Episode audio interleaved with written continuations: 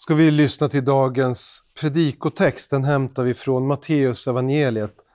Det är det fjortonde kapitlet med start i vers 22.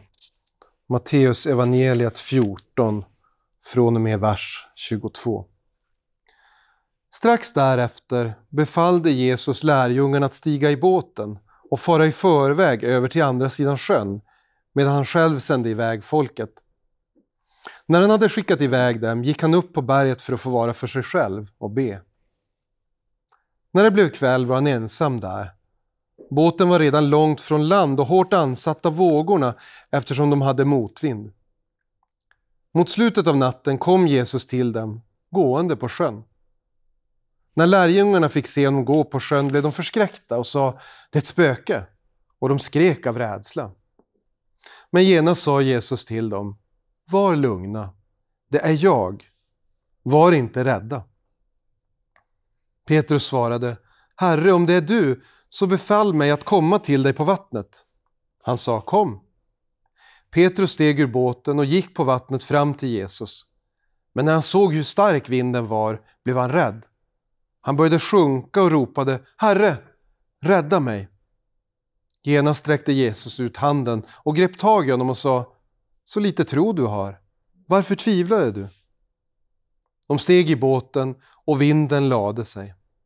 Och de som var i båten tillbad honom och sade Du är verkligen Guds son. Amen. Herre, helga oss i sanningen. Ditt ord är sanning. Amen.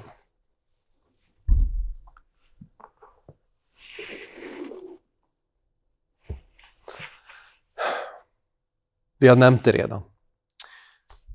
Vad klamrar vi oss fast vid när det blåser hårt i livet? Det här kan ju man svara olika saker. Man kanske har en jättebra livförsäkring. Eller en jättebra pensionsförsäkring. Eller en väldigt bra hemförsäkring. Så att man tänker att om det värsta händer, om vi mister allt vi äger, så får vi tillbaka allting. Även om det aldrig blir riktigt på samma sätt, eller hur? Eller som någon säger, jag förlitar mig på min egen förmåga. Om jag har lyckats ta mig dit jag är idag, då kan jag göra det igen. Om jag skulle förlora allt. Om börsen kraschar eller företaget jag byggt upp går i konkurs. Då får jag börja om. Jag har ju min förmåga. Men Bibeln säger att ingenting här i världen är riktigt så där fast och pålitligt som vi skulle vilja. Inte ens en diversifierad aktieportfölj med god riskspridning. I vår text idag så får vi än en gång se det vi ser så många gånger i evangelierna. Och dessutom i Gamla Testamentet. Guds makt är lite skrämmande. Guds makt är lite skrämmande. Det känns som väldigt länge sedan, men det är inte så länge sedan vi firade jul. Och i julberättelsen så ser vi hur rädda människor blir för änglarna. Därför att de har en liten, liten del. En blek återspegling av Guds makt. Sakarias, Johannes döparens pappa, blir alldeles stum av rädsla när han möter ängeln. Maria blir förskräckt. Herdarna på marken blir förskräckta. Vi ser att Guds makt känns skrämmande på Sinai berg för Israels folk. När Herren talar till dem så knuffar de Moses framför sig och så säger de Kan inte du prata med Gud? Han verkar lite läskig, han pratar så högt. Och, och, och Det känns obehagligt. På förklaringsberget när Jesus har tagit med sig de lärjungar som ibland brukar ses som den innersta kretsen, Petrus och Jakob och Johannes, för att visa dem sin härlighet. Då faller de bara till marken när de hör Fadern tala. De som känner Jesus så väl blir ändå skrämda. Varför det? Varför skrämmer Guds makt oss människor? Det finns flera anledningar till det. Det första kanske är att vi har otillräckliga krafter. Man blir lite rädd för någon som verkar starkare än en själv. Om vi är ute och går sent på kvällen och så kommer det någon mot oss som är jätte, jättestor. Då är det större risk att vi blir rädda. Eller om det kommer en litet, litet barn som vi tänker, jag måste ju hjälpa det här barnet, han ser ut att vara vilsen. Storleken i sig kan skrämma. Den här personen är stor nog att vara hotfull. Mycket mäktigare än vad jag är. Men det som återkommer i Bibeln det är också att vi har otillräcklig rättfärdighet. Det är därför Guds makt också skrämmer oss. Jesaja när han blir kallad till profet så säger han men jag är oren och jag har orena läppar. Han menar att han har talat syndiga ord. Hur ska jag kunna tala Guds ord? undrar han. Jag räcker inte till. Om jag liksom ska vara nära Gud, då kommer min synd att avslöjas. Jag funderar ibland på politiker som får en ministertjänst. Jag undrar hur många av dem som är oroliga där de första veckorna. De vet att kvällstidningarna kommer att börja gräva i deras förflutna och läsa gamla tweets och prata med gamla medarbetare. Kan man gräva upp något dumt de har gjort? Kan man avslöja någon, kanske inte synd, men något olämpligt? Tänk om man kan avslöja något brottsligt? Han betalar inte tv-licensen 2003 när han var student. Inte bra. När vi tänker att våra synder kan bli avslöjade, då blir vi lite rädda. Vi vill inte att täckelset ska dras undan. Vi jobbar ju hårt varje dag på att upprätthålla en någorlunda finputsad fasad. Vi hälsar, vi tar kanske inte i hand längre, men vi ler vänligt. Och, och, vi kanske håller upp dörren för någon och vi försöker inkludera folk på jobbet eller där hemma. Vi försöker ju vara goda människor. Vi vill inte att våra innersta tankar ska avslöjas. Därför skrämmer Guds makt. Men framför allt så skrämmer ju Guds makt om man har förnekat Gud. Och Guds makt i sig kan leda till förnekelse. Jag vill inte veta av någon Gud som känner mina innersta tankar och hör vartenda ord jag säger och ser allt jag gör. Jag vill inte veta av en sån Gud, kan man också tänka. I så fall vill jag hellre ha, ha en Gud som har lite mer begränsad kunskap om mig. Återkommande förutom Guds makt det är ju rollen som under och tecken spelar i evangelierna. Jesu under och mirakel. Jesus talar om under och tecken på, man kan tycka ett motsägelsefullt sätt. För han säger å ena sidan, som kritik mot dem som vill ha under och tecken. Om ni inte ser under och tecken så tror ni inte. Det fick vi göra i dagens evangelietext, eller hur? Mannen som söker upp honom, han har en son som är dödligt sjuk och så säger han Snälla kan du, kan du bota min son? Och så säger Jesus, lite hårt kan man tycka, om ni inte ser under och tecken så tror ni inte. Men Jesus säger så därför att han vill att mannen ska få ge uttryck för sin tro. Jag tror på dig, säger han. Och Jesus säger, du kan gå hem i lugn och ro. Din son kommer att leva. Ibland så får människor kritik för att de kräver under och tecken för att de ska tro. Men ibland så säger han också, om ni inte tror på mitt ord, då borde ni i alla fall tro på grund av de tecken som jag gör. För de motsvarar ju precis det gamla testamentet säger att Messias ska göra när han kommer. I vår text idag, jag vet inte om ni tänkte på det, men men eh, Petrus säger det här märkliga ordet om. När Jesus talar till dem där på sjön så säger han om det är du. Han är fortfarande inte riktigt säker. Är det Jesus som kommer där? Eller kan det kanske ändå vara ett spöke? Och Det är vanligt för oss människor att säga om. Jag kan lita på dig om du gör det här och det här och det här för mig. Jag kan lita på dig om du ser till att det blir fred i världen. Om du ser till att den globala uppvärmningen hävs.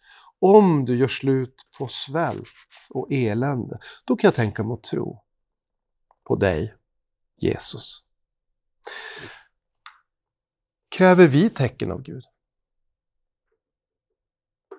Är det så att vi i våra hjärtan ibland tänker, ja, Gud, eh, du säger ju att du är trofast, men jag skulle vilja se lite mer bevis på det.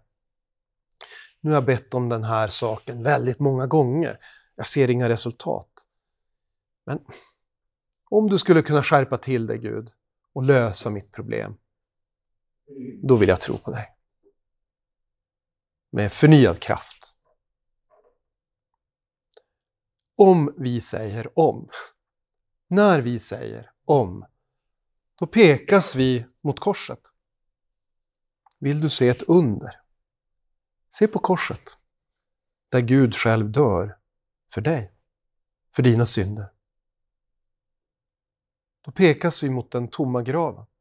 Om du vill se ett under, se på den uppståndne frälsaren.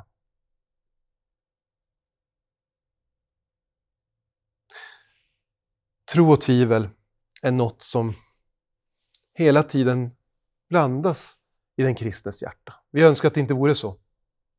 Vi önskar att vi kunde vara helhjärtade, hundraprocentiga, trosvissa varje dag i livet. Det är vi inte. Petrus tycker jag visar på mod här i vår text som säger om det är du Jesus så, så befall mig att komma till dig på vattnet. Det, där, det ser ju kul ut att gå på vattnet, jag skulle vilja testa.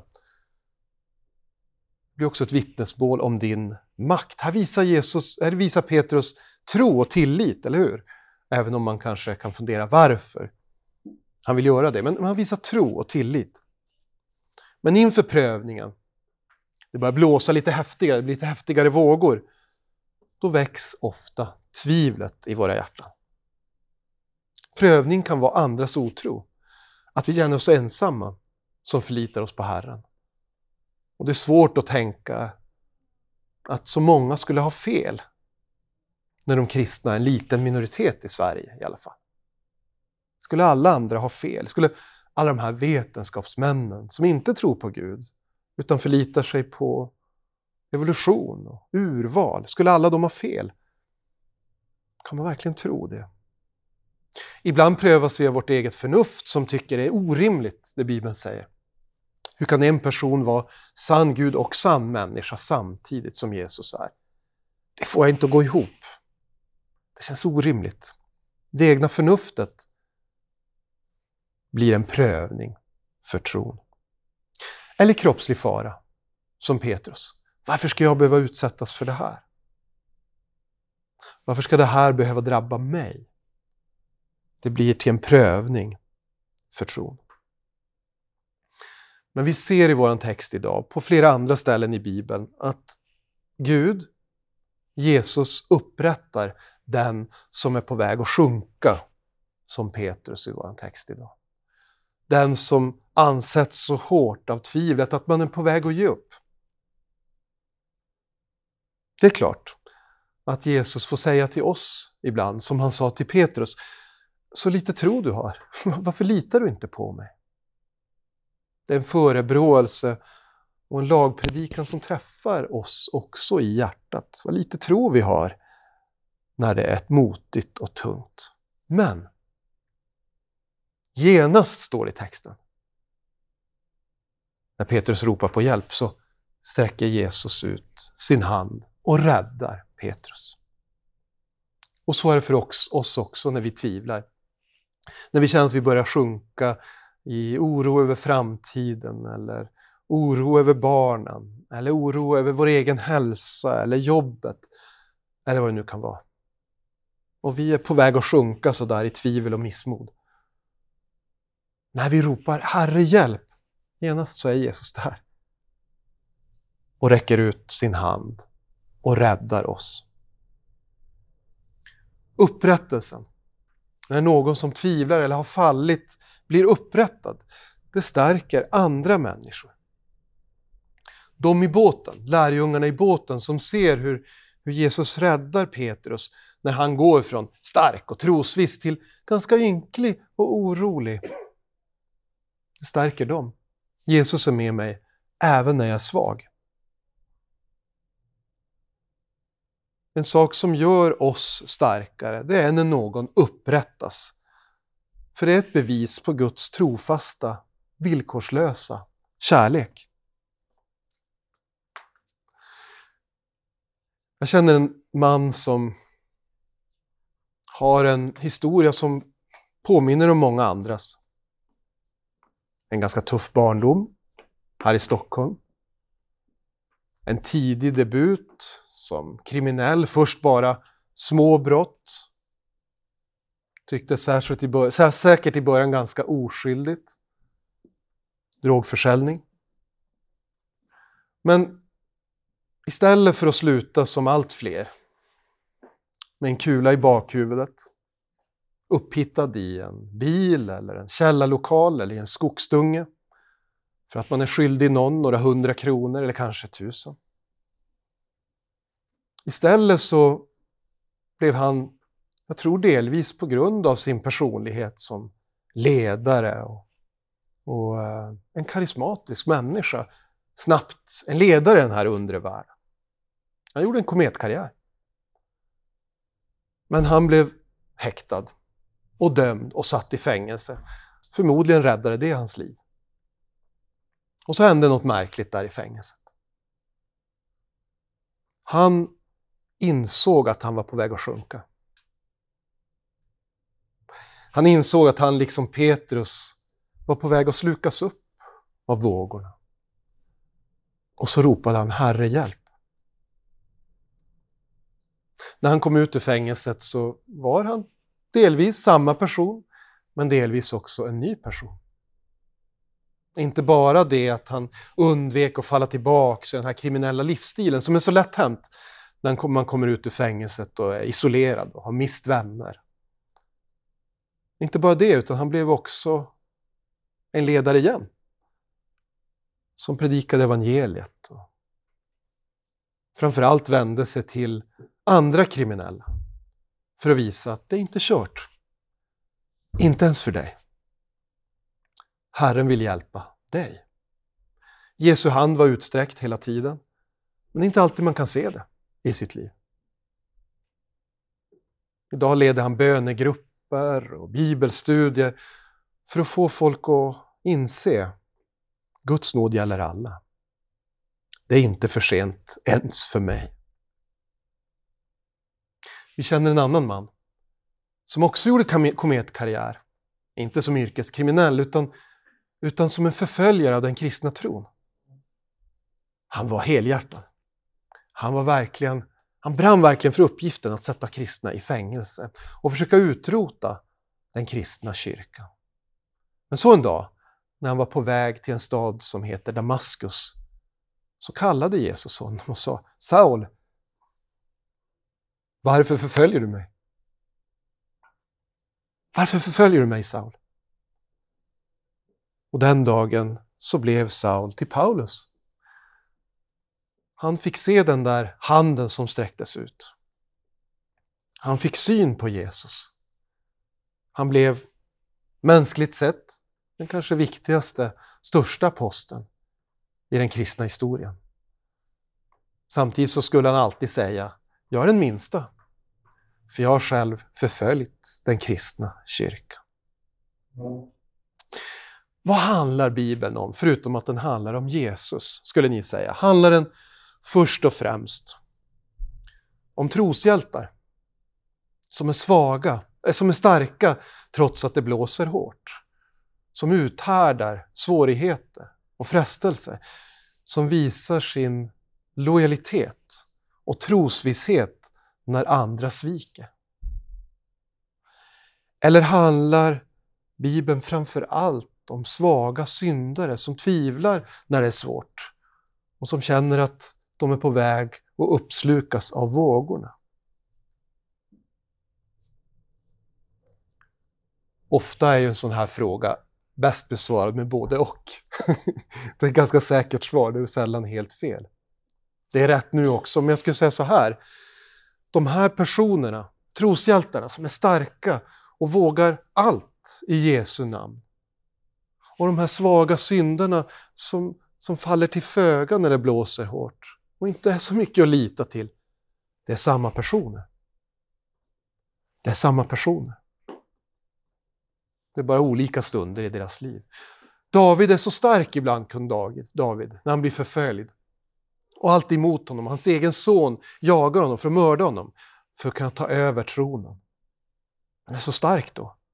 Och sen andra gånger är han så svag, så ynklig och begår sådana hemska brott och synder. Petrus är så stark ibland när han träder fram och vill liksom leda lärjungarna och ge en god bekännelse. Och säga ingen, om ingen annan står vid din sida, jag gör det alltid Jesus, du kan lita på mig. Och så är han så svag och ynklig ibland. Hörrni. Jag känner inte den mannen. Jesus, vem är det? Det är samma personer, hörni. Det är samma personer. Maria, som är så stark där när ängeln ger sitt budskap till henne. Du ska bli mamma till Messias. Hon gömmer det budskapet i sitt hjärta trots att det låter orimligt. Men hon tror på det. Hon vågar till och med berätta för andra om det trots att det rimliga borde vara att hon blir utskrattad. Hon söker också upp Jesus och undrar, ska du verkligen ägna dig åt alla andra människor? Tänk på oss som är din familj. Måste det här verkligen vara ditt liv och ditt öde? Hon vacklar lite grann i tron. Vad, vad, vad har Jesus egentligen kommit för att göra? Det är samma personer, hörni, som är starka och svaga. Endast i Guds nåd så kan vi vara starka. Endast när vi vägleds av evangelium så kan vi härda ut.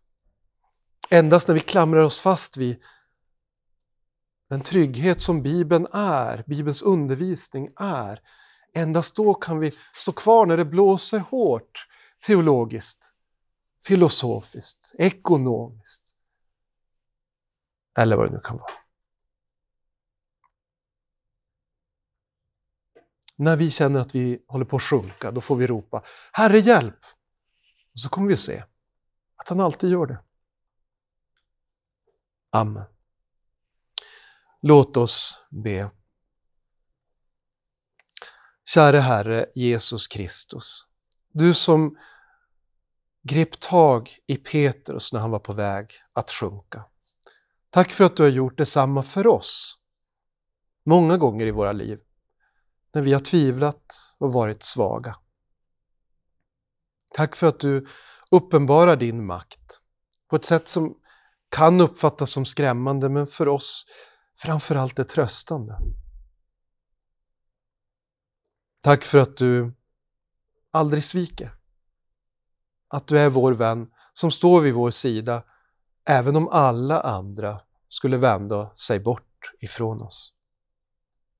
Vi tackar för din kärlek, din kärlek, din trofasthet och för din makt. Vi ber i ditt eviga namn. Amen.